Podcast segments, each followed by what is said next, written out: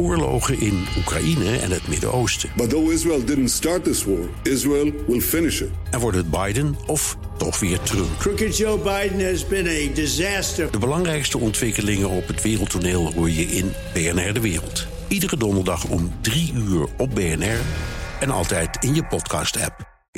BNR De Wereld. Blik op Europa.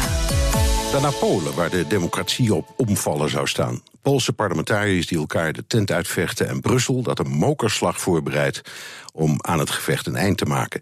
De nationalistische en conservatieve regering in Warschau maakt deze dagen geen vrienden. Maar wat ligt er achter alle retoriek en is Polen langzaam maar zeker, net als de Britten op, op weg naar de nooduitgang van de Europese Unie? Europa-verslaggever Jesse Pinster, wat is er kort samengevat aan de hand?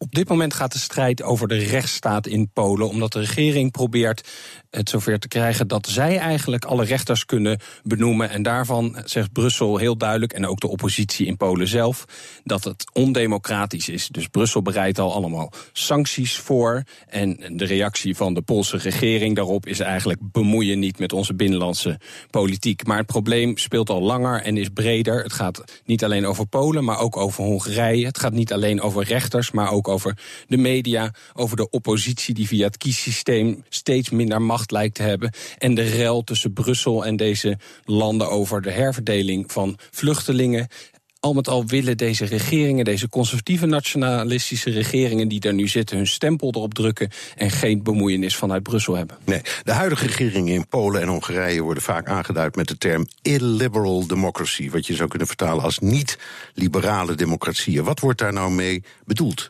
Eh, in hun ogen staat in het Westen, West-Europa, het individu centraal, maar zij plaatsen de gemeenschap centraal. En dat is wel een zekere beperkte definitie van die gemeenschap. In Polen gaat het dan om ja, een beetje de mensen op het platteland, de katholieken die daar uh, wonen. En de minderheden worden dus eigenlijk een beetje uitgesloten. Het probleem met die term is natuurlijk dat het woord democratie daarin zit. En Brussel zegt: dit is juist allemaal niet democratisch wat daar in uh, Polen en in Hongarije gebeurt. Nou hebben we natuurlijk wel eerdere voorbeelden gezien van landen die zichzelf democratisch noemen. Denk aan de DDR, ook Noord-Korea doet dat tot, tot op de dag van vandaag uh, nog steeds. Dus ja, er zijn academici die pleiten ervoor. Stop nou met het gebruik van die term, want het verhult wat er werkelijk aan de gang is. Zoals een Hongaarse econoom zei, ja, het is een beetje alsof je zegt dat de paus atheïstisch is.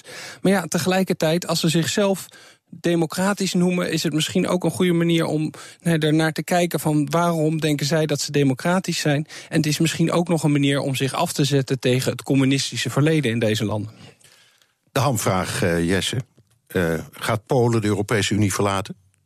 Nee, ik uh, verwacht van niet. Um, in de eerste plaats is Europa nog steeds heel populair in deze landen. Een recent onderzoek, Polen, 74% is positief over de Europese Unie. In Hongarije ligt dat iets lager, op 67%. Maar dat is in allebei de gevallen hoger dan in Nederland.